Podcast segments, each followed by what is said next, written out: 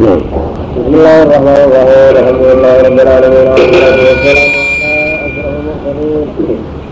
نبينا محمد وعلى آله وصحبه أجمعين قال الإمام ابن كثير رحمه الله تعالى في تفسير بني تعالى يا أيها الناس اتقوا ربكم الذي خلقكم من نفس واحدة وخلق منها زوجها وبث منهما رجالا كثيرا وبث منهما رجالا كثيرا ونساء واتقوا الله الذي تساءلون به والأرحام إن الله كان عليكم يقول تعالى آمرا خلقه بتقواه وهي عبادته وهي عبادته وحده لا شريك له. ومنبها لهم على قدرته التي خلقهم بها من نفس واحدة وهي آدم عليه السلام. وخلق منها زوجها وهو حواء عليه السلام خلقت من جنيه الأيسر من خلفه وهو نائم. فاستيقظ فرآها فأعجبته فأنس إليها وأنست إليه. وقال ابن أبي حاتم حدثنا أبي حدثنا محمد بن القاسم حدثنا محمد بن مقاتل حدثنا وكيع العربي هلال عن قتادة عن ابن عباس. قال خلقت المرأة من الرجل. وجعلت رحمتها للرجل وخلق الرجل من الأرض وجعلت رحمته للارض حدثنا أبي حدثنا محمد بن مقاتل حدثنا وكيع عن أبي هلال عن قتادة عن ابن عباس. قال خلقت المرأة من الرجل وجعلت رحمتها للرجل وخلق الرجل من الأرض وجعلت رحمته للأرض فاحبسوا نساءكم. ومن الحديث الصحيح هذا فيه المعنى قول لكنه موقوف وفيه انقطاع فإن قتادة لم يسمع من انس لم يسمع من من الناس وقتادة هنا عن عن عن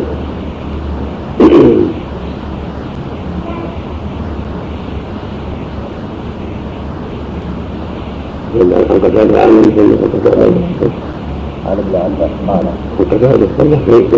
عباس عباس عن قتادة المقصود ان ابن عباس لما قال النبي صلى الله عليه وسلم وقتادة لم يقل سمعت ولم يقل حدثني انه لم يقع وابو هلال هذا محل ابو هلال محل الحسن نفت المرأة بلا شك رجلا في الرجل.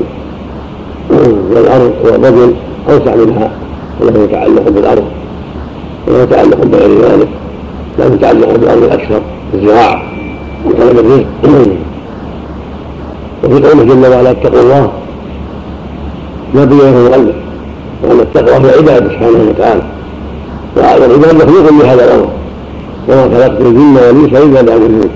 يا أيها الناس اعبدوا ربكم. وهم آيات أخرى يا أيها الناس اتقوا ربكم. فإن بذلك أن التقوى هو العبادة والعبادة هو تقوى الله. فكلمتان مترادفتان في المعنى وكلاهما تقتضي مراد الله بالعبادة وتخصيصه بها سبحانه وتعالى. تعبدوا الله واتقوا الله وآمنوا بالله ونحو ذلك. المعنى فيها يتحد وهو تخصيص الله بالعبادة والاستقامة على أمره واتقاء أسباب غضبه وفي الحديث الصحيح إن المرأة خلقت من ضلع وأما شيء في الضلع علاه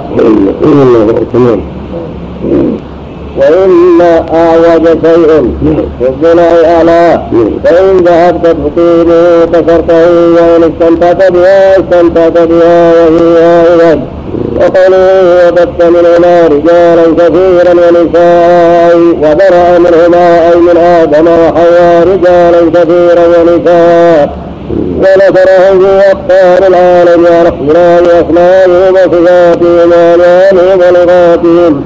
ثم إليه بعد ذلك المعاد والمحشر. ثم قال تعالى واتق الله الذي تساءلون به والأرحام. أن يتقوا الله بطاعتكم إياه قال إبراهيم ومجاهد بن الحسن الذي تساءلون به أي كما يقال أسألك بالله وبالرحم. وقال الضحاك واتقوا الله الذي تعاقدون وتعاهدون به واتقوا الأرحام أن تقطعوها ولكن بروها وصلوها كلاهما واحد فإن من عادة الناس التساؤل بالأرحام أيضا فالمعنى له الوجه والرب سبحانه وتعالى حث على صلة الأرحام وحذر من قطيعتها فإن التساهل بالأرحام الوقف الأرحام لا الضمير فيه ومعنى به وبالأرحام. ويقف على الجلالة اتقوا الله. واتقوا الأرحام أن تقطعوها. وكلاهما مطلوب الثاني أهم فإن قطيعة الرحم من أقبح الجرائم وصلة الرحم من أفضل القربات. والله أمر العباد أن يصلوا أرحامهم وحذرهم من قطيعتها هل عسيتم إن توليتم أن تفسدوا وتقطعوا أرحامكم؟ أولئك الذين لعنهم الله فأصمهم على أبصارهم. حديث الصحيح صلى الله عليه وسلم لا تريدون قطع الرحم؟ لا تريدون قطع الرحم. هذا يدل على إن قطيعه الرحم من الكبائر. يريد اللعن عليها والوعيد وأما التساؤل بالارحام مثل ما يقول الإنسان أسألك بحق أخي بحق أبي عليك بحق أخي بحق عمي بحق والدتي سائل آخر. فلولا عن النبي صلى الله عليه وسلم فلولا عن عن عبد الله بن جعفر شدد على عمه علي قال أسألك بحق جعفر عليك. لأن حقه الذي في الصله الرحم هذا التساؤل بين الناس. أما سؤال الله فلا يتوسل بالرحم ولا بغيرها. يسأل بأسمائه وصفاته وبالأعمال الصالحات. لا يسأل الله بحق فلان ولا بجاه فلان. أن تجد أهل العلم وهو بدعة وإنما التساؤل وإنما سأل الله يكون بأحد أمور ثلاثة. إما الأسماء والصفات وإما التوحيد والإيمان وإما الأعمال الصالحات. الأسماء والصفات يقول تعالى لله الأسماء الحسنى بها والتوحيد مثل الحديث. اللهم إني أشهد أني أشهد أنك أنت الله لا إله إلا أنت الاحد الصمد الحديث والاعمال هي قصة أصحاب الغار. يتساءل الله باعمالهم الصالحة. فمن طبقت له الصخره وعجزوا عن رياحتها قالوا هي بينهم انه لن يدركم من ذلك إلا أن تسالوا الله بصالح اعمالهم فتوجهوا إلى الله وسألوه باعمال صالحه فعلوها احدهم سال ببره الوالدين والثاني سال بعفته عن الفواحش والثالث سال بأدائه الأمانة. فازح الله عنه الصخره حتى خرج. وهذا من قوله سبحانه من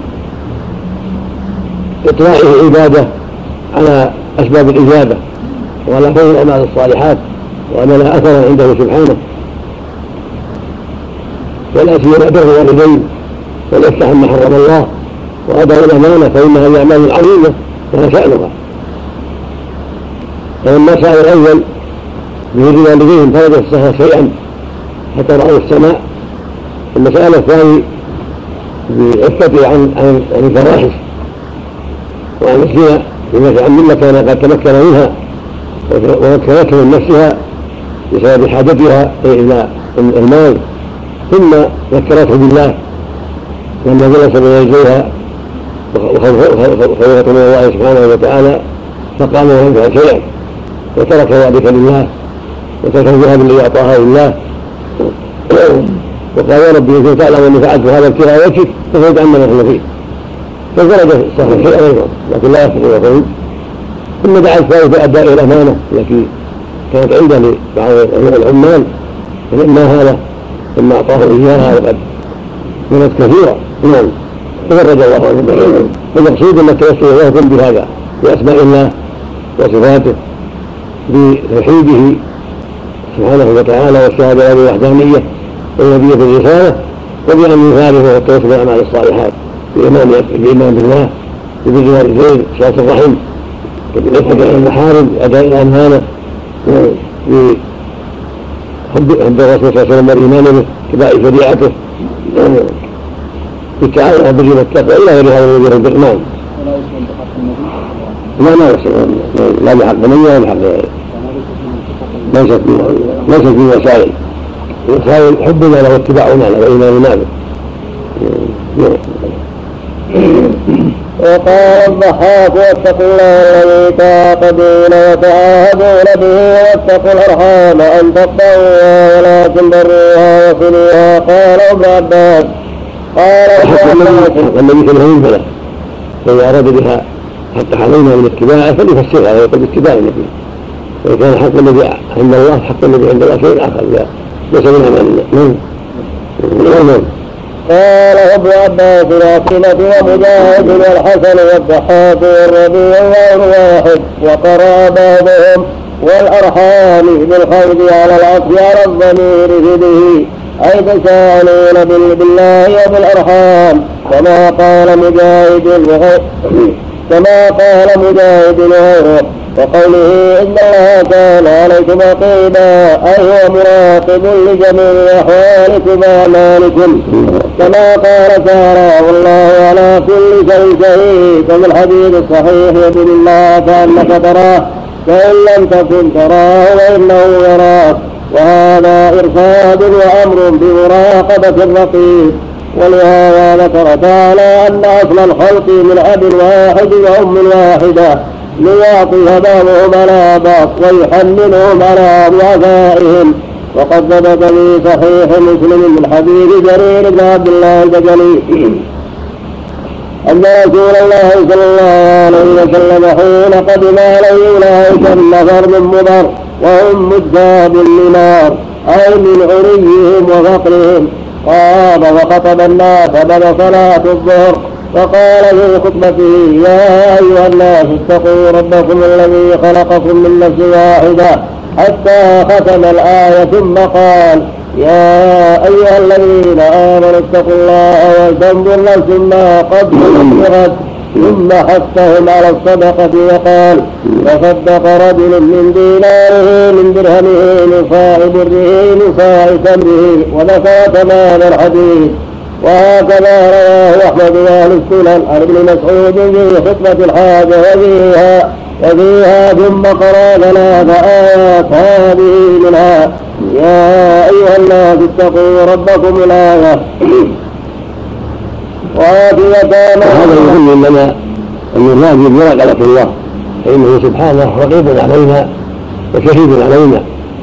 يعلم أحوالنا وأعمالنا وإخلاصنا وضد ذلك. لا تخفى على الكافر يعلم الصادق من الكاذب والمخلص من المرائي والمؤمن من المكذب.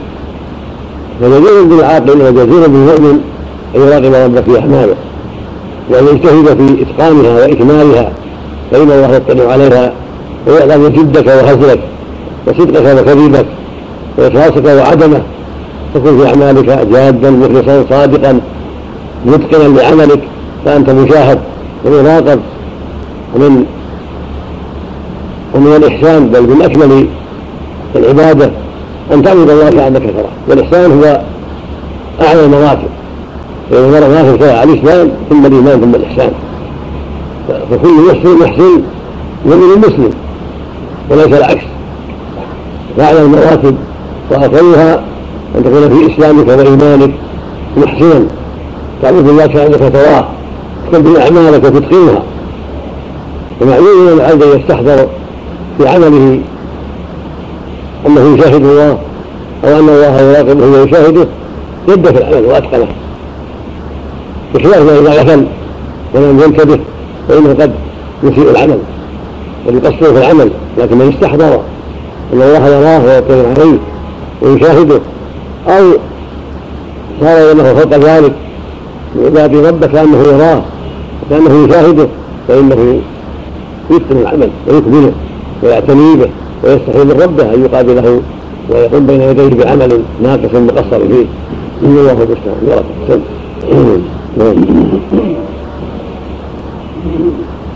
نعم. بسم الله. الحمد لله والصلاة والسلام على رسول الله.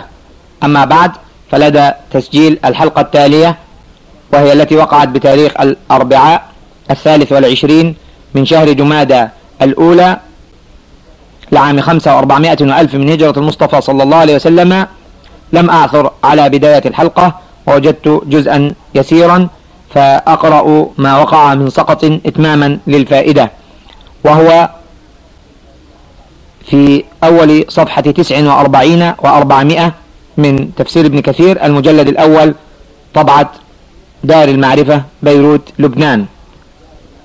وصورة ما وقع في هذه الحلقة أن يكون هكذا. بسم الله. الحمد لله والصلاة والسلام على رسول الله. قال الإمام الحافظ ابن كثير رحمه الله تعالى في تفسير قوله تعالى وآتوا اليتامى أموالهم ولا تتبدلوا الخبيث بالطيب ولا تأكلوا أموالهم إلى أموالكم إنه كان حوبا كبيرا. وإن خفتم ألا تقسطوا في اليتامى فانكحوا ما طاب لكم من النساء.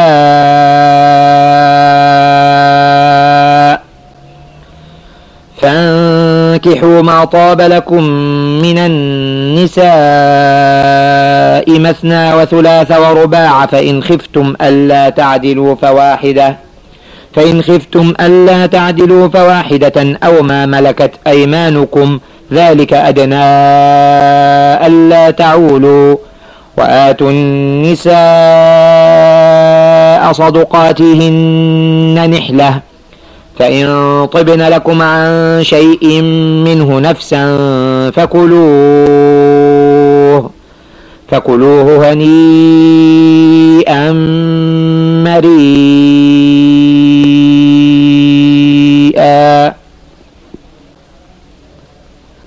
يأمر تعالى بدفع أموال اليتامى إليهم إذا بلغوا الحلم كاملة موفرة وينهى عن أكلها وضمها إلى أموالهم. ولهذا قال ولا تتبدلوا الخبيث بالطيب قال سفيان الثوري عن أبي صالح لا تعجل بالرزق الحرام قبل أن يأتيك الرزق الحلال الذي قدر لك وقال سعيد بن جبير لا تتبدلوا الحرام من أموال الناس بالحلال من أموالكم. يقول لا تبدلوا أموالكم الحلال أو لا تبدلوا أموالكم الحلال وتأكلوا أموالهم الحرام. وقال سعيد بن المسيب والزهري ولا تعطي مهزولا ولا تأخذ سمينا. لعلها ولا تعطي مهزولا وتأخذ سمينا. وقال إبراهيم والنقعي قلت أيضا الصواب أن يكون وقال إبراهيم النقعي والضحاك لا تعطي زيفا وتأخذ جيدا. وقال السدي كان أحدهم يأخذ الشاة السمينة من غنم اليتيم ويجعل مكانها الشاة المهزولة ويقول شاة بشاة. ويأخذ الدرهم الجيد ويطرح مكانه الزيف ويقول درهم بدرهم. وقوله ولا تأكلوا أموالهم إلى أموالكم. قال مجاهد وسعيد بن جبير وابن سيرين ومقاتل بن حيان والسدي وسفيان بن حسين أي لا تخلطوها فتأكلوها جميعا. وقوله إنه كان حوبا كبيرا. قال ابن عباس أي إثما عظيما. وروى ابن مردويه عن أبي هريرة رضي الله عنه قال سئل رسول الله صلى الله عليه وسلم عن قوله حوبا كبيرا. قال إثما كبيرا. ولكن في إسناده محمد هكذا محمد يوسف ولعل محمد بن يوسف الكندي وهو ضعيف.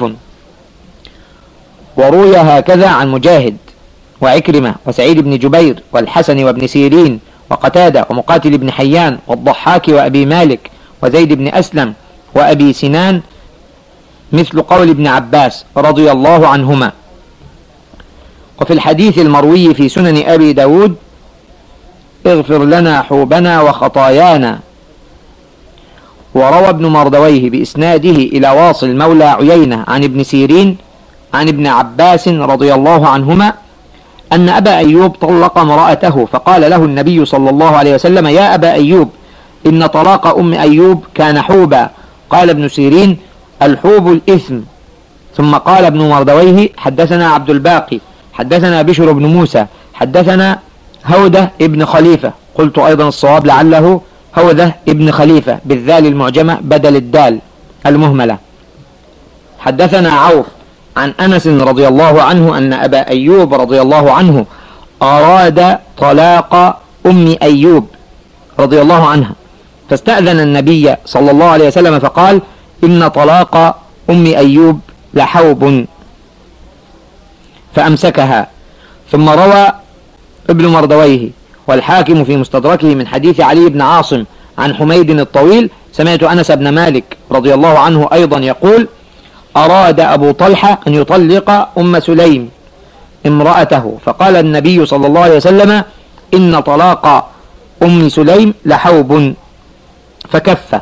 والمعنى إن أكلكم أموالهم مع أموالكم إثم عظيم وخطأ كبير فاجتنبوه.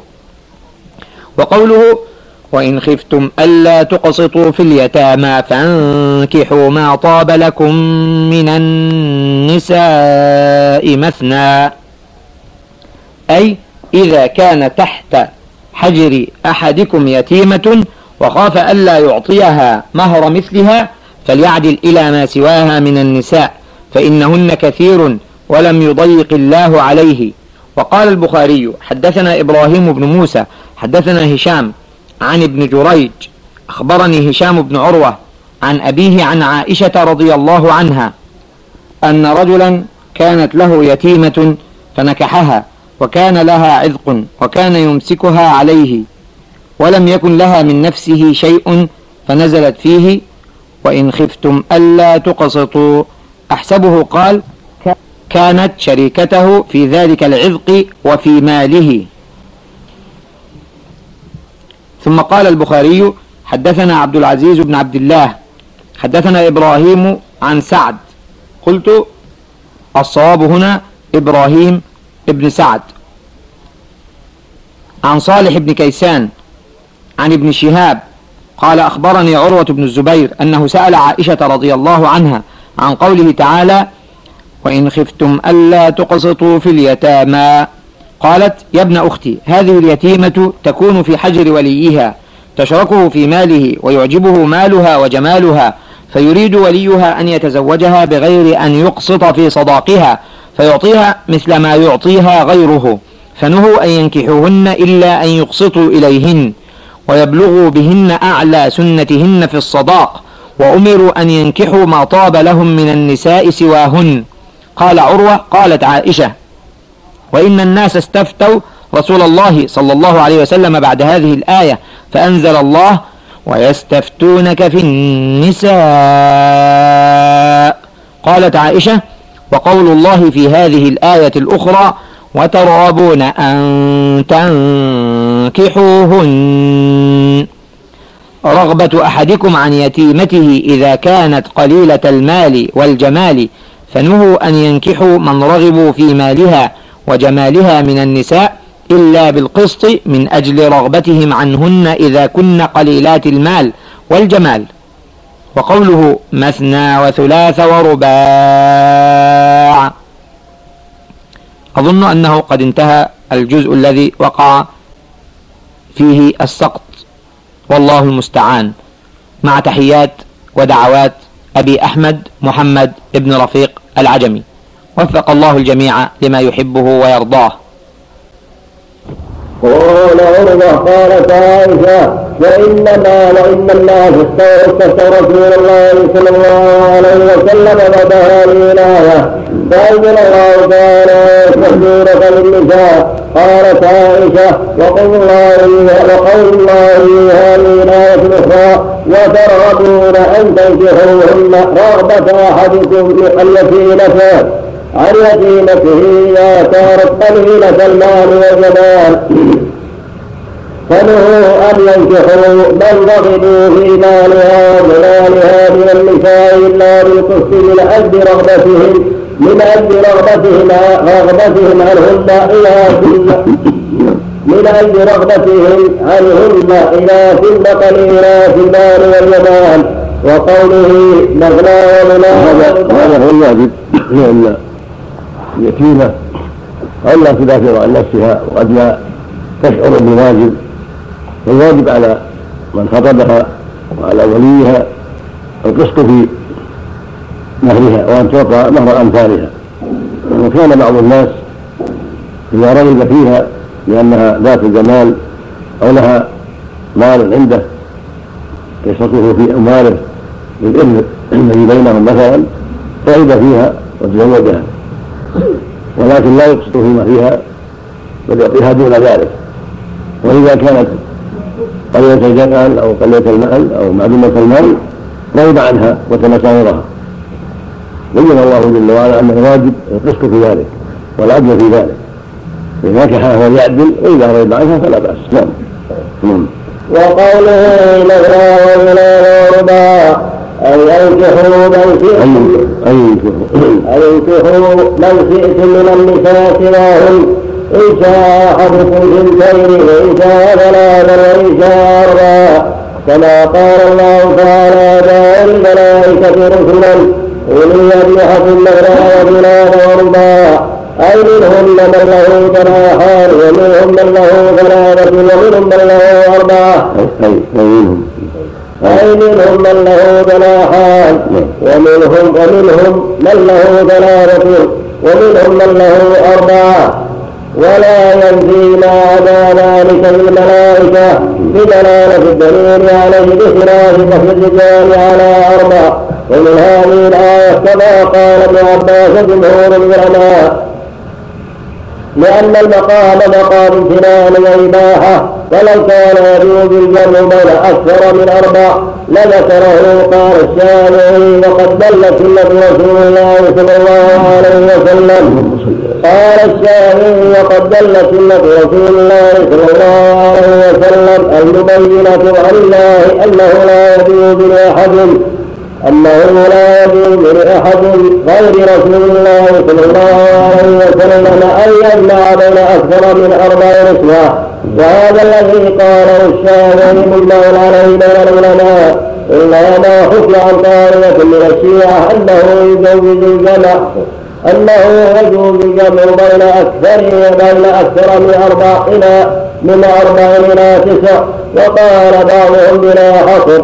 وقد يتمسك بعضهم بذلك برسول الله صلى الله عليه وسلم في جمعه بين أكثر من أربع إلى تسع كما ثبت في الصحيح وإلا إحدى عشرة كما قد جاء في بعض ألفاظ البخاري وقد علقه البخاري وقد روينا عن أنس أن رسول الله صلى الله عليه وسلم تزوج بخمس عشرة امرأة. بخمس عشرة امرأة ودخل منهن بثلاث عشرة واجتمع عنده إحدى عشرة ومات عن تسع وهذا عند العلماء وهذا عندي عند العلماء من خصائصه دون غيره من الأمة لما تذكره من الأحاديث الدالة على على الحصر في أربع. وهذا وهذا كإجماع من أهل العلم. أنه ليس الحر أن يجمع بين أكثر من أربع قال النهاية أربعة فقط. لأن المقام مقام امتنان ومقام إحسان ولو كان هناك زيادة لبينها الرب عز وجل. ومن الأحاديث الدالة على وجود مفارقة ما زاد على الأربع في حق من أسلم وعنده أكثر من أربع أمره النبي يفارق ما زاد على الأربع. أما جمعه صلى الله عليه وسلم بين التسع. فهذا من خصائصه صلى الله عليه وسلم وليس لأحد من يتأسى به في ذلك. وأما ما حكي عن بعض الشيعة من جواز الزيادة فهذا قوم لا يعول عليه ولا يتوسل اليه وليسوا أهلا. بان تذكر أقوالهم بخلاف نعم ونذكر الاحاديث في ذلك قال الامام احمد حدثنا اسماعيل ومحمد بن جعفر قال حدثنا ما مر به قال ابن جعفر قال ابو جعفر في حديثه انبانا ابن شهاب عن سالم العربي ان غيلان بن سلمه الثقفي اسلم وتحته عشر نسوه. وقال له النبي صلى الله عليه وسلم اختر منهن أربعة ولما كان في عهد عمر طلق نساءه وقسم ماله بين بنيه فبلغ ذلك عمر وقال إني لأظن الشيطان فيما يستلق من السماء سمع بموتك فقبضه في نفسك. ولعلك لا تلبس الا قليلا والمراه لتراجعن نساءك ولتراولك ولتوجعن مالك أو لا أو لا أو لأورثن أو يرجفهن منك. ولآمرن بقبرك فيرجم كما رجم قبر أبي بلال وهكذا رواه الشافعي والترمذي والترمذي وابن ماجه والدار قطني والبيهقي وغيرهم.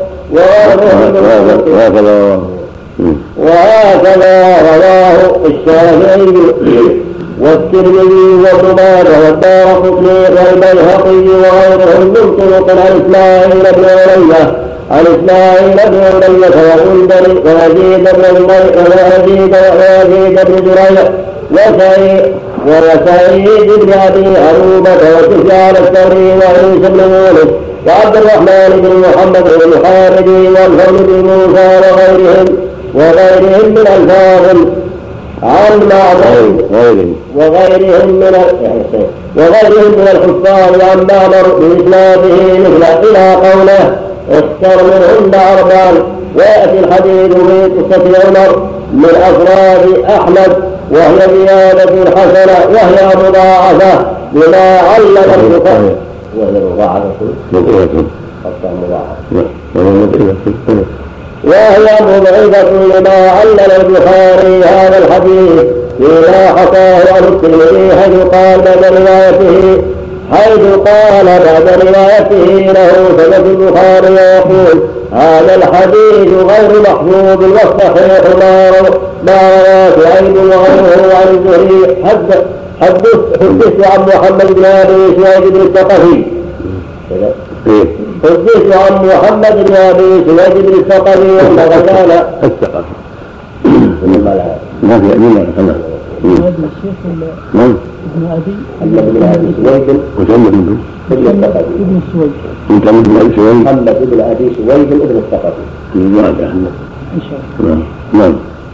أنها نالت سلمة فذكرا قال البخاري وإنما حديث الزهري عن سالم العربي أن رجلا من فقيه طلق نساءه وقال له عمر فتوى بأن نساءك أو لأرجمن قبرك كما رجم قبر أبي رغال.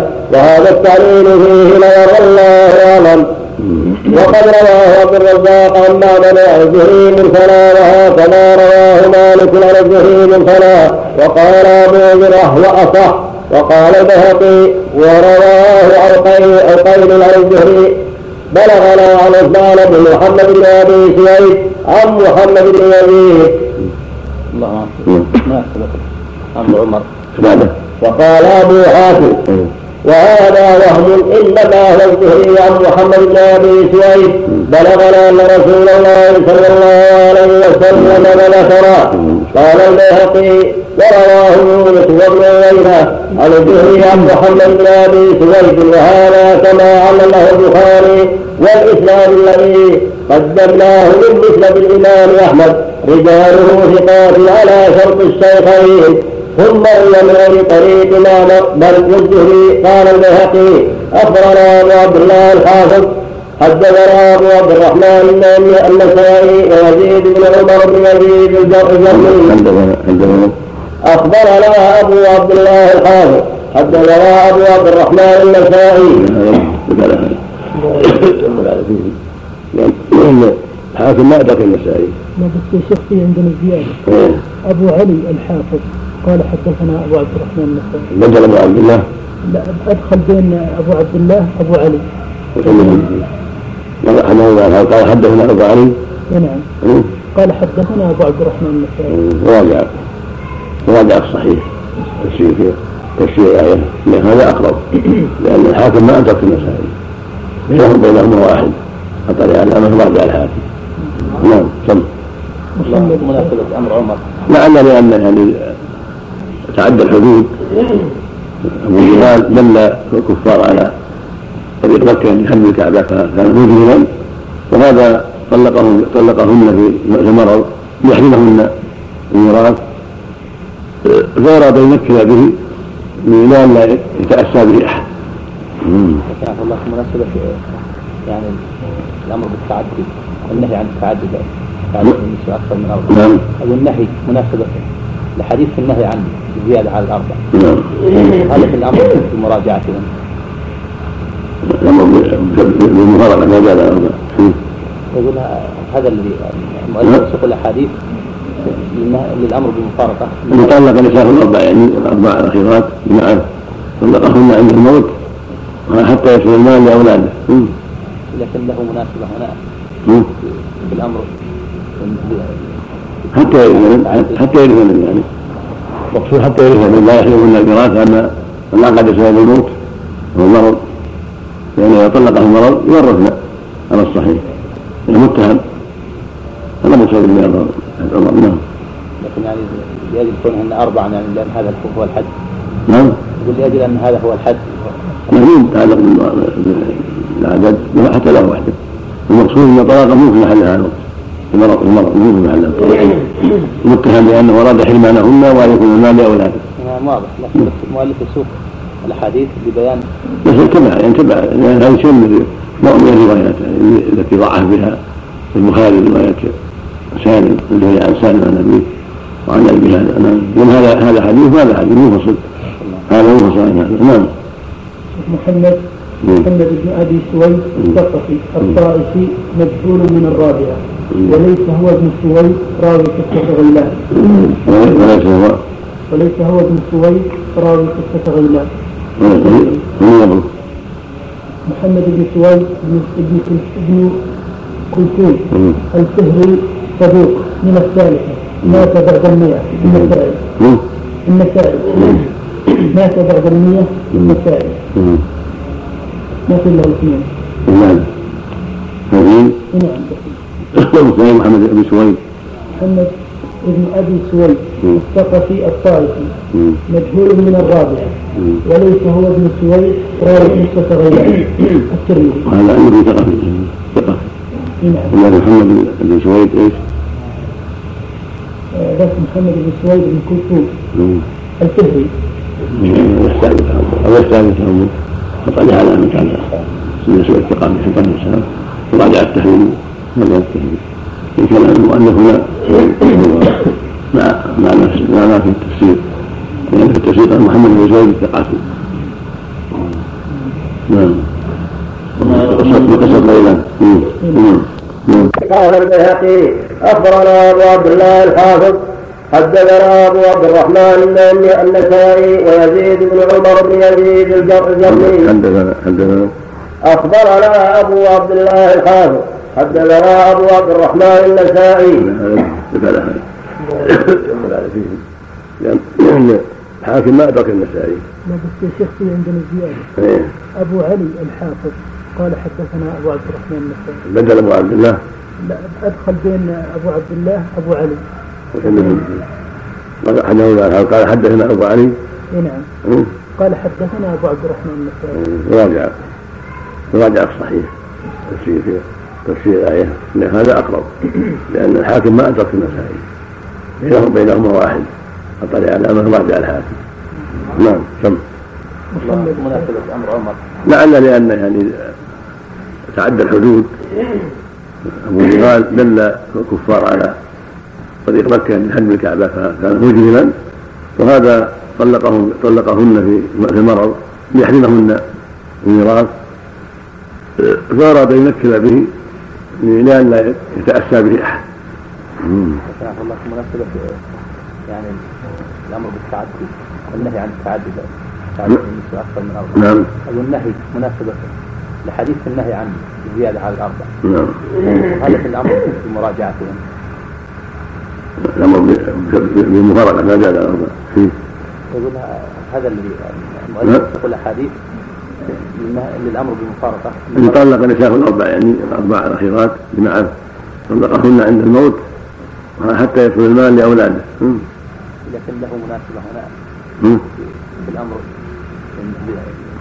حتى يرث حتى يرث من يعني. مقصود حتى يرث من. لا يحرمهن الميراث أما من عقد سبب الموت والمرض. لأن إذا طلقه المرض يورثن على الصحيح. المتهم هذا مقصود من عمر نعم. لكن يعني لاجل كونهن اربعا يعني لأن هذا هو الحد نعم. يقول لاجل أن هذا هو الحد نعم مو متعلق بالعدد. حتى له وحده. المقصود أن طلاقه مو في محلها هذا. في مرض في مرض مو في محلها الطلاق. متهم بأنه أراد حرمانهن وأن يكون المال لأولاده. نعم نعم واضح. لكن المؤلف يسوق الأحاديث ببيان بس تبع يعني تبع لأن هذه شيء نوع من الروايات يعني التي ضعف بها البخاري رواية سالم من عن سالم عن أبيه وعن أبي هذا. نعم. يقول هذا هذا حديث وهذا حديث منفصل. هذا منفصل عن هذا. نعم. محمد محمد بن أبي سويد الثقفي الطائفي مجهول من الرابعة. وليس هو ابن سويد راوي قصة غيلان. وليس هو. وليس هو ابن سويد راوي قصه غيلان من قبله محمد بن سويد بن ابن كلثوم الفهري صدوق من الثالثة. مات بعد المئة. النسائي النسائي مات بعد المئة. النسائي ما في إلا الاثنين. نعم اثنين؟ نعم والثاني محمد بن سويد. محمد ابن أبي سويد. الثقفي الطائفي. مجهول من الرابعه وليس هو ابن سويد راوي قصه غيلان الترمذي. هذا عندكم ثقفي ثقفي نعم. ولكن محمد بن سويد إيش؟ ذاك محمد بن سويد بن كلثوم. الفهري يحتاج أو يحتاج تأمل حط عليه علامة على بالنسبة للثقافي حط عليه السلام وراجع التحريم راجع التحريم إن كان المؤلف هنا هو مع مع ما في التفسير. لأن في التفسير قال محمد بن سويد الثقافي نعم. في قصة ليلان نعم.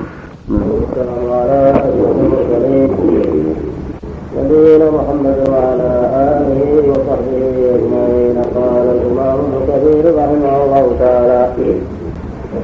قال البيهقي أخبرنا أبو عبد الله الحافظ حدثنا أبو عبد الرحمن النسائي. ما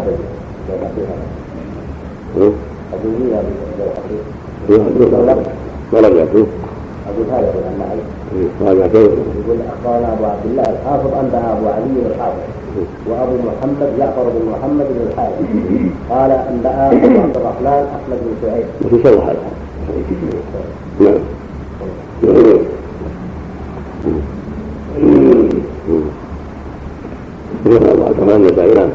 قال أبو عبد الرحمن النسائي يزيد بن عمر بن يزيد الجرمي اخبرنا يوسف بن عبيد بن عبيد بن عبيد الله حدثنا سرار بن مجشر عن ايوب عن نافع وسالم عن ابن عمر أن غيلان بن سلمه كان عنده عشر نسوة فاسلم واسلمن معه فأمره النبي صلى الله عليه وسلم ان يختار منهن اربعه هكذا اخرجه النسائي في سننه قال أبو علي بن السكن تورد به شرار مجشر وهو ثقة وكذا وثقه ابن معين. قال أبو علي وكذلك رواه السميدع ابن وهب عن شرار قال البيهقي وروينا من حديث قيس بن الحارث أو الحارث بن قيس وعروة بن مسعود الثقفي وصفوان بن أمية يعني حديث غيلان بن سلمة. ووجه الدلالة أنه لو كان يجوز الجمع بين أكثر من أربع لسوق له رسول الله صلى الله عليه وسلم سائرهن في بقاء العشر. وقد أسلمنا فلما أمره بإمساك أربع فارق سائرهن. وفراق سائرهن دل على أنه لا يجوز الجمع بين أكثر من أربع من أربع بحال. فإذا لا لا سيما هو الإمساك والبقاء على ما كان أولا أسهل من الابتداء فإذا منع البقاء على ما كان اولا ما يتساهل فيه فمنع الابتداء من باب أولى. ولهذا يجوز للمحرم إذا أحرم أن يبقي الذي عليه ويبقي زوجته ويطلقها وليس له يطيب من جديد وليس له ينكح من جديد. إذا منع الرسول صلى الله عليه وسلم من كان عنده أكثر من خمس أكثر من أربعة أن يبقي منهن شيئا بل يفارقهن. ومن باب أولى أن يمنعهم من الابتداء من هو اكبر من كلمه الاربع والحاصل أن الحديث هذا برواياته كلها تدل على وجوب الاقتصار على الاربع وعدم الزيادة. وانه لا يجوز لأحد يزيد على أربع في النكاح نعم. أما في الاضطرار والإمام فلا بأس. ملك اليمين نعم يعني ملك اليمين من الجواز ملك اليمين ولما يكثر مئات لا بأس. لكن الزواج ليس له يتزوج أكثر من أربع نعم فإذا كان هذا في الدوام وفي الاستئناف بطريق الأولى والأحرى والله سبحانه أعلم بالصواب. حديث آخر في ذلك روى أبو داود بن ماجه في سننهما. من طريق محمد بن عبد الرحمن الهادي إلى عن خليفة بن الشمردل وعند ابن ماجه بنت الشمردل وحكى أبو داود أن منهم أن منهم من يقول الشمردل بالدال المعجمة عن قيس بن الحارث وعند أبي داود رواية الحارث بن قيس أن عميرة الأسدي قال أسلمت عندي فما ينسى عند أبي داود داود. وعند أبي داود في رواية الحارث في رواية في رواية الحارث في رواية الحارث بن قيس يعني يقال له قيس بن حارث يقال له حارث بن قيس نعم وعند أبي داود في رواية الحارث بن قيس أن عميرة الأسدي قال أسلمت وعندي ثمان نسوة فذكرت فذكرت للنبي صلى الله عليه وسلم فقال اختر منه منهن أربعة وهذا الإسناد حسن وهذا الاختلاف لا يضر منه لما الحديث من الشواهد حديث آخر في ذلك قال الشاعر في مسنده أخبرني من سمع ابن أبي الزياد يقول الله بن الزناد الله بن الزناد كلفوا الغراء نعم نعم أخبرني من سمع ابن أبناء الزناد يقول أخبرني عبد المجيد عن ابن سالم بن عبد الرحمن. إيش؟ قال الشافعي مسنده. أخبرني من سمع ابن أبي الزناد يقول أخبرني عبد المجيد عن ابن سهل بن عبد الرحمن. ابن ابن سهيل عبد المجيد ابن سهيل ابن عبد الرحمن. كلفوا نعم التكبير يوسف الأخلاق. ويوسف الأخلاق. مثال في الإحاضة وحضرت نعم. كيف التقدير. حاضر. شوف عبد المجيد بن سهل وسهيل يذكر السهيل. نعم. نعم. أخبرني عبد المجيد عبد المجيد يعني يقول سهيل. عن ابن ابن عن غلط إيه؟ نعم عن عن عن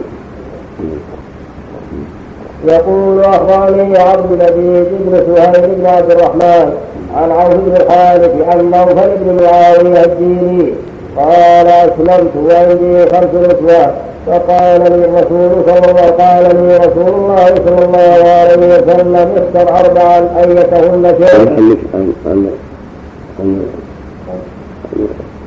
عن ابن سهل إيش بعده؟ سهل بن عبد الرحمن إيش بعده؟ عن عوف بن الحارث عن نوفل بن معاوية. نعم طيب نعم. نكمل عبد المجيد بن سهل بن عبد الرحمن بن عبد الرحمن بن عوف. أي. الزهري أبو وهب أو أبو محمد. ثقة من السابق. البخاري ومسلم وأبو داود والنسائي. أباب التكبير نعم. كيف أنس بن سهل في في وسهيل نعم نعم سهل وسهيل بن عبد الرحمن في هذا السين نعم نعم قال أسلمت وعندي خمس نسوة وقال لي رسول الله صلى الله عليه وسلم اختر أربعا أيتهن شئت فارق الأخرى فعمدت إلى فعمدت إلى أقدمهن صحبة عجوز عاقل عاقل معي منذ ستين سنة فطلقتها وهذه كلها شواهد لحديث أولاد كما قاله البيهقي. وقوله فإن خفتم ألا تعدلوا واحدة أو ما ملكت أيمانكم. أي إن خفتم من تعداد النساء ألا تعدلوا بينهم كما قال تعالى. ولن تستطيعوا أن تعدلوا بين النساء ولو حرصتم. فمن خاف من ذلك فليقتصر على واحدة أو على الجوار التراني فإنه لا يجب قسم بينهم ولكن يستحب فمن فعل فحسن ومن لا فلا حرج.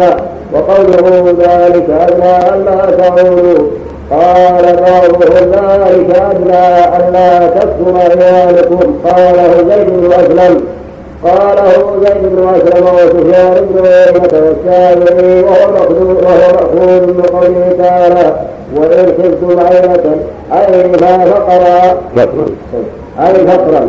فسوف يغنيكم الله من فضله إن شاء. وقال الشاعر فما يبدو الفقير متى إله وما يبدو الغني متى يعيش وتقول العرب على الرجل يعين عينة إذا افتقر ولكن فيها يستثني بها هنا نظر فإنه كان يخشى يخشى كثرة العائلة من سداد الحرام من تعبان الحرائر كذلك يخشى فإنه فإنه كما يخشى. كما يخشى كما يخشى. فإنه كما يخشى كثرة العائلة من تعداد الحرائر كذلك يخشى. من تعداد السواري أيضا والصحيح قلبه ذلك أدنى أن لا تعولوا أي لا تدوروا يقال عال في الحكم إذا قصد وضرب وجاء وجار. وقال أبو طالب في قصيدة لا سعيرة لا يحيس لا يحيس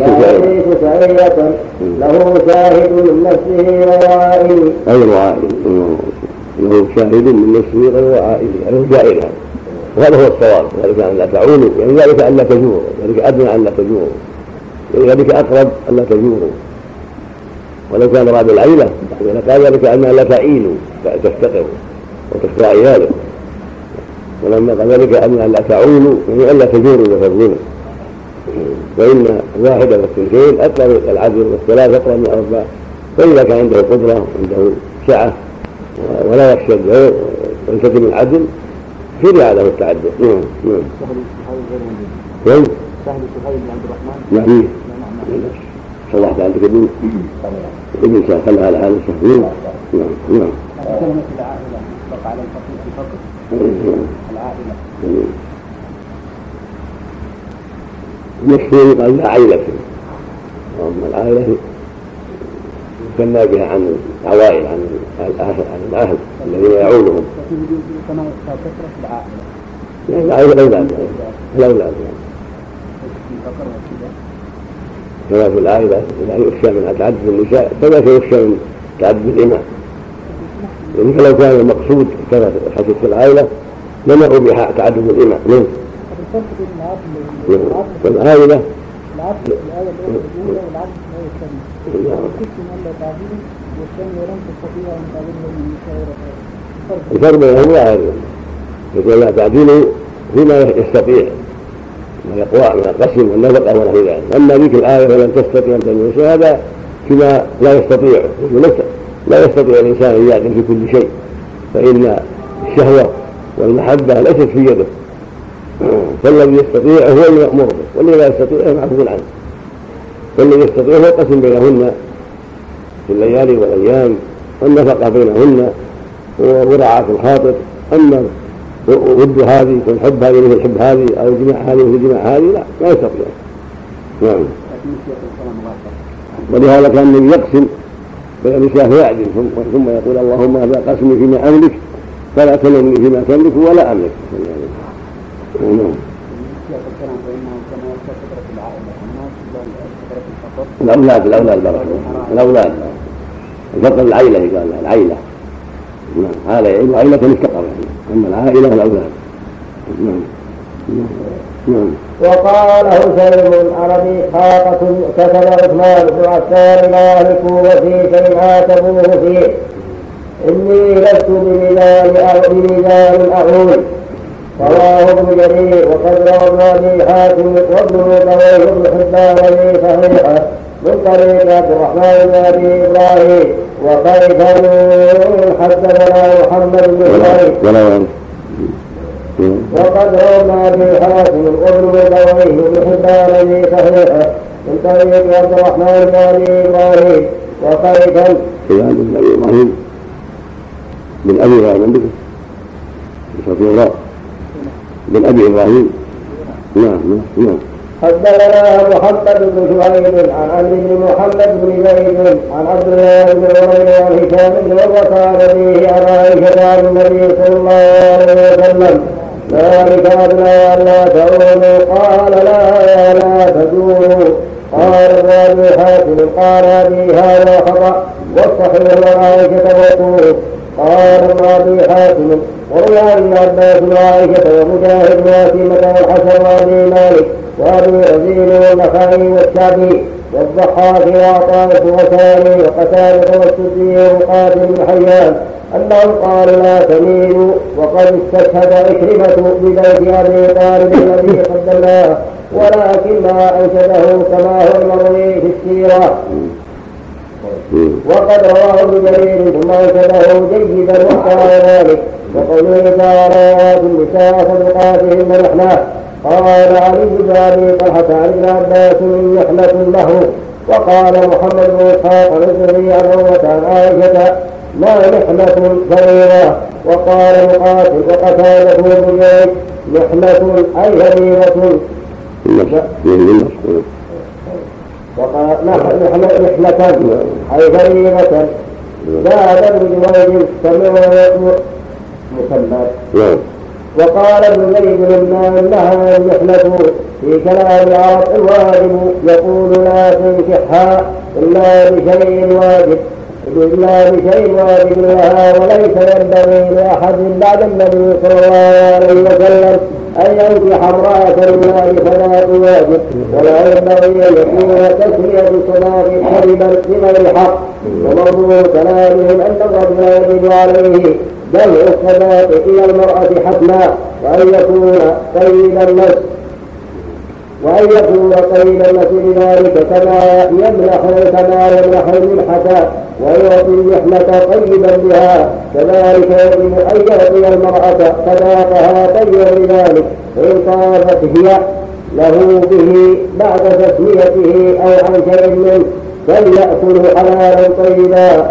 ولهذا قال تعالى وإن تبن لكم عن شيء منه نفسا فكلوه هنيئا مريئا وقال ابن أبي حاتم حدثنا أحمد بن سنان حدثنا عبد الرحمن بن مهدي عن سفيان عن السدي عن يعقوب بن مغيرة عن يعقوب بن مغيرة بن شعبة عن علي قال إذا اشتكى أحدكم شيئا فليسأل امرأته ثلاث دراهم أو نحو ذلك فإن يبتع بها عسلا ثم ليأخذ ماء السماء فيجتمع هنيئا مريا كفاء مباركا.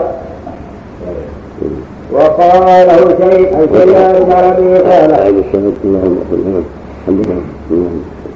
وقال ابن ابي حاتم حدثنا احمد بن سنان حدثنا عبد الرحمن بن مهدي عن سفيان عن السدي عن يعقوب بن مغيره ابن شعبه عن علي قال اذا اشتكى احدكم شيئا فليسال امراته ثلاث دواهب أو نحو ذلك فليبتع بها عسلا ثم ليأخذ مع السماء فيجتمع هنيئا مريئا كفاء مباركا.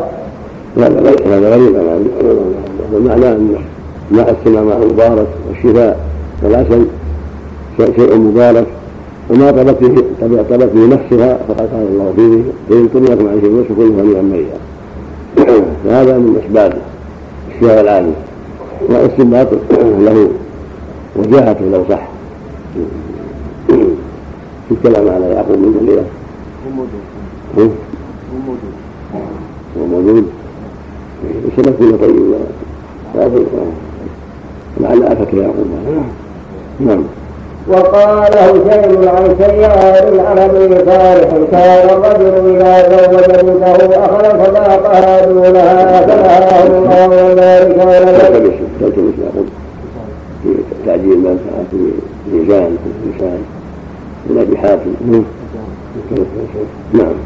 وقال حسين عن سيار عن ابي صالح كان الرجل اذا زوج بنته اخذ صداقها دونها فنهاه الله عن ذلك ونزل وهذه النساء صدقاتهن نحله رواه ابن ابي حاتم وابن جرير وقال ابن ابي حاتم حدثنا محمد بن اسماعيل الحميدي حدثنا وكيع عن سفيان وقال ابن ابي وقال أبي حاتم حدثنا محمد بن إسماعيل الحميدي حدثنا وكيع عن سفيان محمد بن الحميدي عن الحميدي كم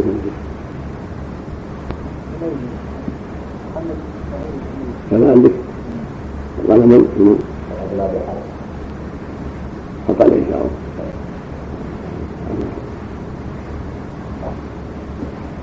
نعم حط عليه يدور محمد بن محمد بن اسماعيل يحتمل انه يحتمل البخاري يحتمل انه البخاري يروي عن ويروي عن الحميدي الله بن الزبير الحميدي يحتمل انه محمد بن إسماعيل بن إبراهيم آخر. روى عنه ابن أبي حاتم. وقال ابن أبي حاتم حدثنا محمد بن إسماعيل الحميدي حدثنا وكيل سفيان عن عمير بن عن عبد الملك بن المغيرة الطائفي عن عبد الرحمن بن مالك السلامي قال قال رسول الله صلى الله عليه وسلم قالوا النساء في القاتل النحلة قالوا يا رسول الله فما العلائق بينهم؟ قال ما ترى ما عليه أهلهم. وقد روى المردوي من طريق حجاج بن أرطاه عن عبد الملك بن المغيرة عن عبد الرحمن بن السلماني عن عمر بن عبد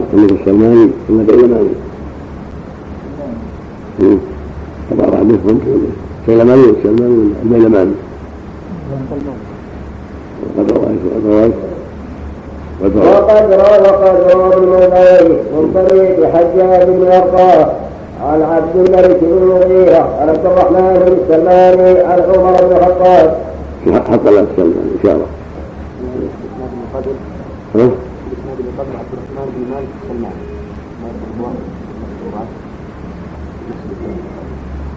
لا لا لا بين المشهور له مراسيل له مراسيل ضعيف له مراسيل لا نعم قال خطبنا رسول الله صلى الله عليه وسلم فقال انكحوا الأيام ثلاثا فقال اليه رجل فقال يا رسول الله فما العلامه بينهم قال ما ترى عليه اهلهم ابن السلماني ضعيف ثم فيهم بقاء أيضا يعني ما ما بقى ولا تدسوا اموالكم التي جعل في في حال سعيد حميد لها صراحة في أحد الألم كان خارج كتب ستة. نعم. نعم. بسم الله رب العالمين والصلاة والسلام على أشرف الأنبياء والمرسلين نبينا محمد وعلى آله وأصحابه في حال الألم عن سلمان يعني بلغا نعم.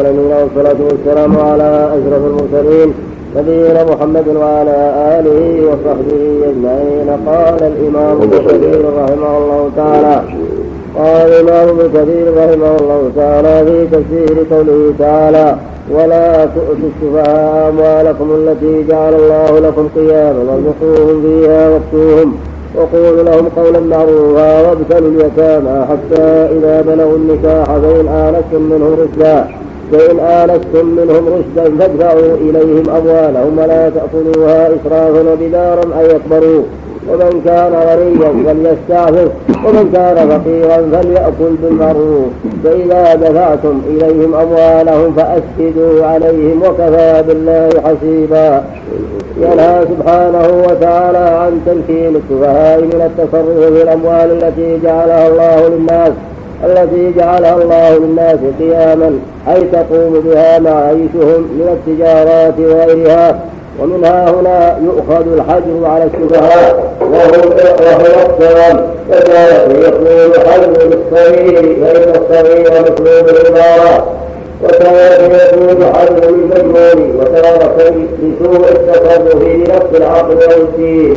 وتارة للفلس وهما إذا أحاطت الديون برجل وضاق ماله ماله عن وفائها فإذا سأل الغرماء الحاكم الحجر عليه حجر عليه الضحاك عن ابن عباس هنا قالوا قال العلماء الحجر قسمان حجر لحظ النفس وحجر لحظ الغير فالحجر لحظ النفس هو الحجر على الصغير والمجنون والسفيه الذي لا يحسن التصرف في امواله وليس برشيد يحجر عليه في ذلك بحظه لسلامة ماله حتى لا يصرفه فيما لا ينبغي. ويكون التصرف من الولي الذي يغلى على هذا الصغير أو المجنون أو الخفيف حتى يرشد. ويحسن التصرف والقسم الثاني الحذر لحظ الغير الحذر من الفلس إذا حاطت الديون بمال الإنسان. ولم يكن عنده ما. يقابل الديون وطالب أصحاب الدين أو بعضهم حذر عليه. حتى يسدد ما عليه. حجر عليه وبيعت تلك الأموال. ويجعل بين الغرماء نعم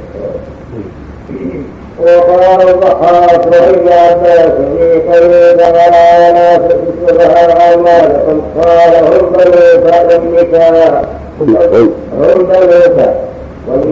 هم بنوك والنساء وكذا قال بنوك الصغار والمجانين واشبههم وكذا بنوك الصغار نعم وكذا قال ابن مسعود وحكم والحسن والضحاك هم من عتيبة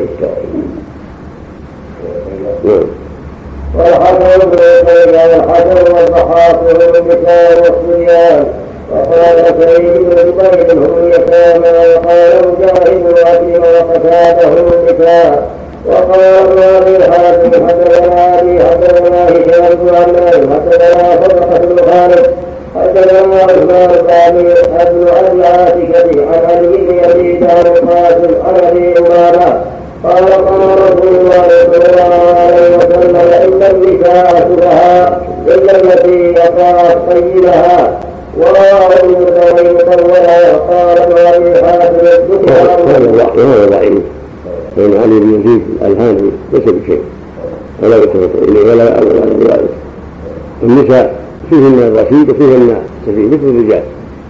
لكن السفر فيهن أكثر.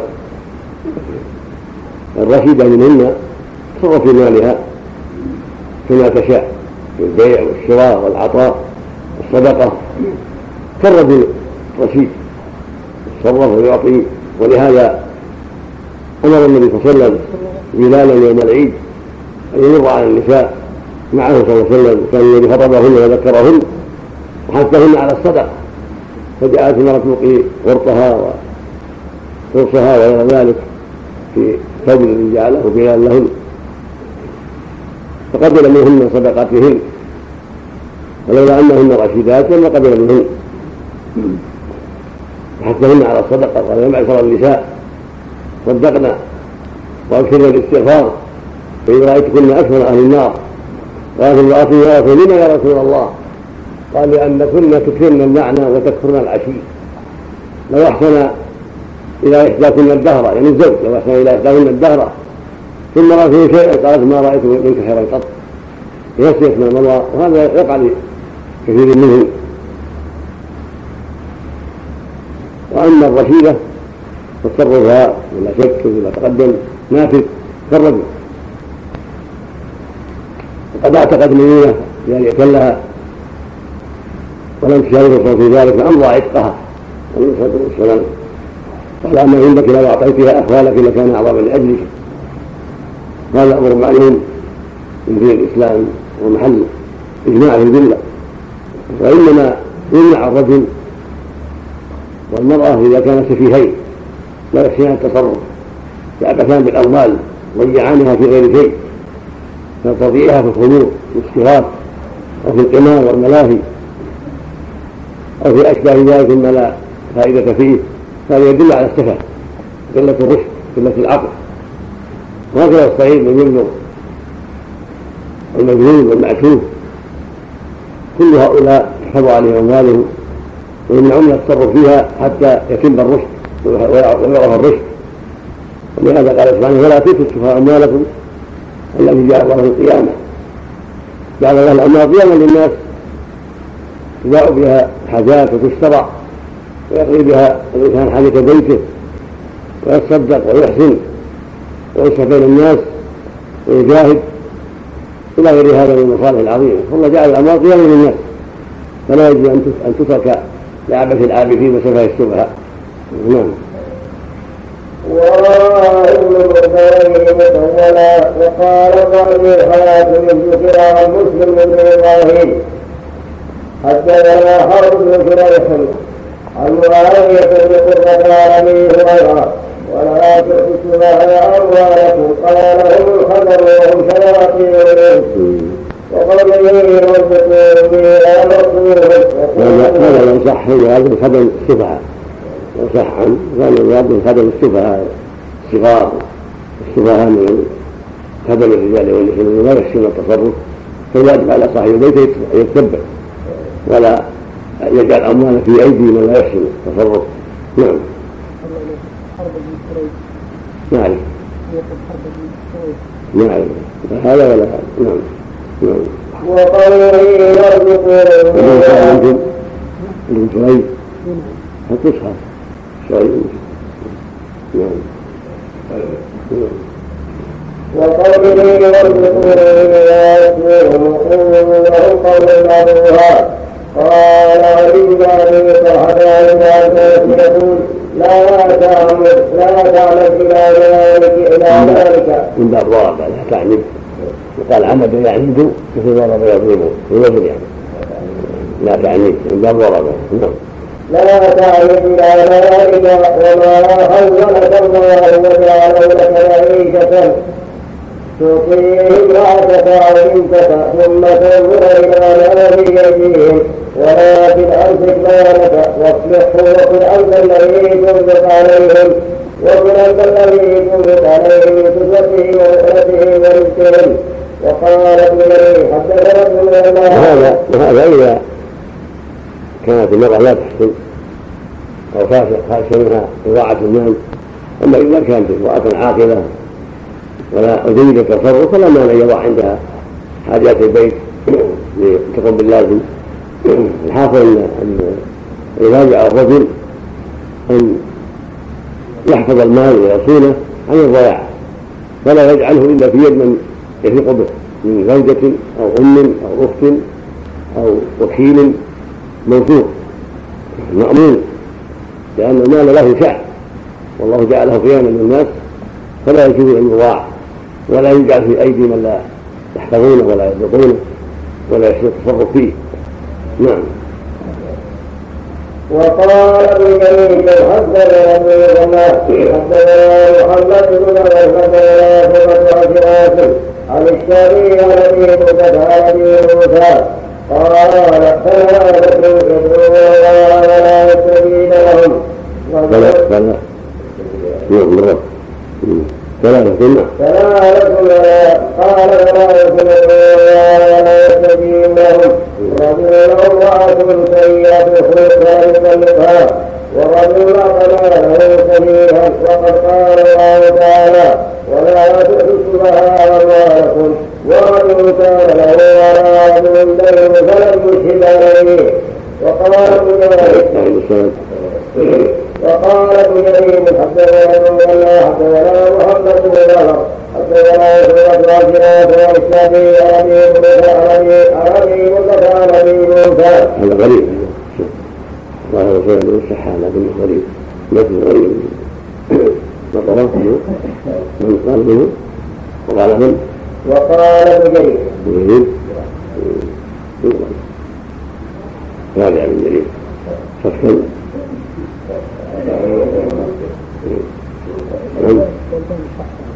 عندك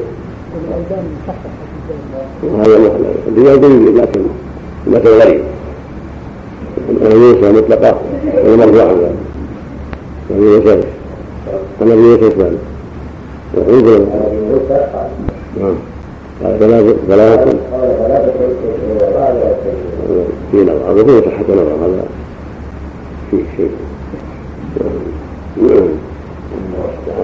وقال ذلك يقولون قولا معروفا يعني في الدنيا وهذه الآية كريمة تضمنت الإحسان إلى العائلة ومن تحت الحديث الثاني من الإنفاق في التساوي والأرباب بالكلام الطيب وتحسين الأخلاق تعالى وابتغ اليتامى قال ما تاكل مجاهد وحسن والسدي ومقاتل أي اتبعوهم حتى إذا بلغوا النكاح قال مجاهد يعني الحلم. قال الجمهور يا علماء ذنوب الغلام صارت يقول بحلم. وهو أن لا ينزل لا ينزل الماء ما ينزل إلا الدافق الذي يكون منه وفي سنن ابي داود عن علي قال حفظت رسول الله صلى الله عليه وسلم لا يبنى بعد احتلال ولا يصيام يوم الا إلى إلى الليل والحديث ولا صلاة ولا صلاة ولا صلاة إلى الليل والحديث الآخر ذلك وليا من الصحابة عن النبي صلى الله عليه وسلم قال رفع القلم عن ثلاثة اصطفي حتى يستلم أو يستكمل خمس عشرة سنة وعن النائم حتى يستيقظ وعن المجنون حتى يهيب وأخذ ذلك من حديث صالح ويستغفر ثلاثة زيادة غيره ليس معروف في الحديث معروف في الحديث رفع طبعا ثلاثة النائم حتى يستيقظ والمجنون حتى يفيق أو قال حتى يعقل والصغير حتى يبلغ. عندنا إن شاء الله. عند الزيادة أو يبلغ الثلاثة لا أصل هذا الحديث. فقال لا اشاره موجودة من كلام الشيخ. لا اشاره نعم وأخذ ذلك. كان هناك انسان كان نام قبل العصر وهو يعلم أنه يعني ما بقي على الآن إلا قليل ويعني فاتته صلاة العصر مع الجماعة. يكون آثم؟ نعم إذا كان يدعى ان يقوم فرق. اما اذا كان عند الساعة في القراءه والله أعلم من حوله يؤمنون فلا بأس. نعم. وأخذ ذلك من حديث ثابت الصحيحين عن ابن عمر قال وجدت على النبي صلى الله عليه وسلم يوم احد وعلى ابن وعلى ابن أربع عشرة فلم يجدني وردت عليه يوم الخندق وعلى ابن خندق سنة فأجابني فقال عمر بن عبد فقال عمر بن عبد العزيز لما بلغه هذا الحديث إن هذا الفرق بين الصغير والكبير في نبات الشعر في نبات الشعر خشن خشن حول الفرج وهي يدل على وهي الشعرة ويدل على بلوغ الحدى على ثلاثة أبواب يفرق بالسائر بين صبيان المسلمين فلا يدل على ذلك الاحتمال المعالجة وبين صبيان أهل الذلة فيكون في حقهم لأنه لا يتعدى بها إلى ضرب الجزية لا بها إلى رب الجزية عليه فلا يعالجها والصحيح أنها أمر في الجميع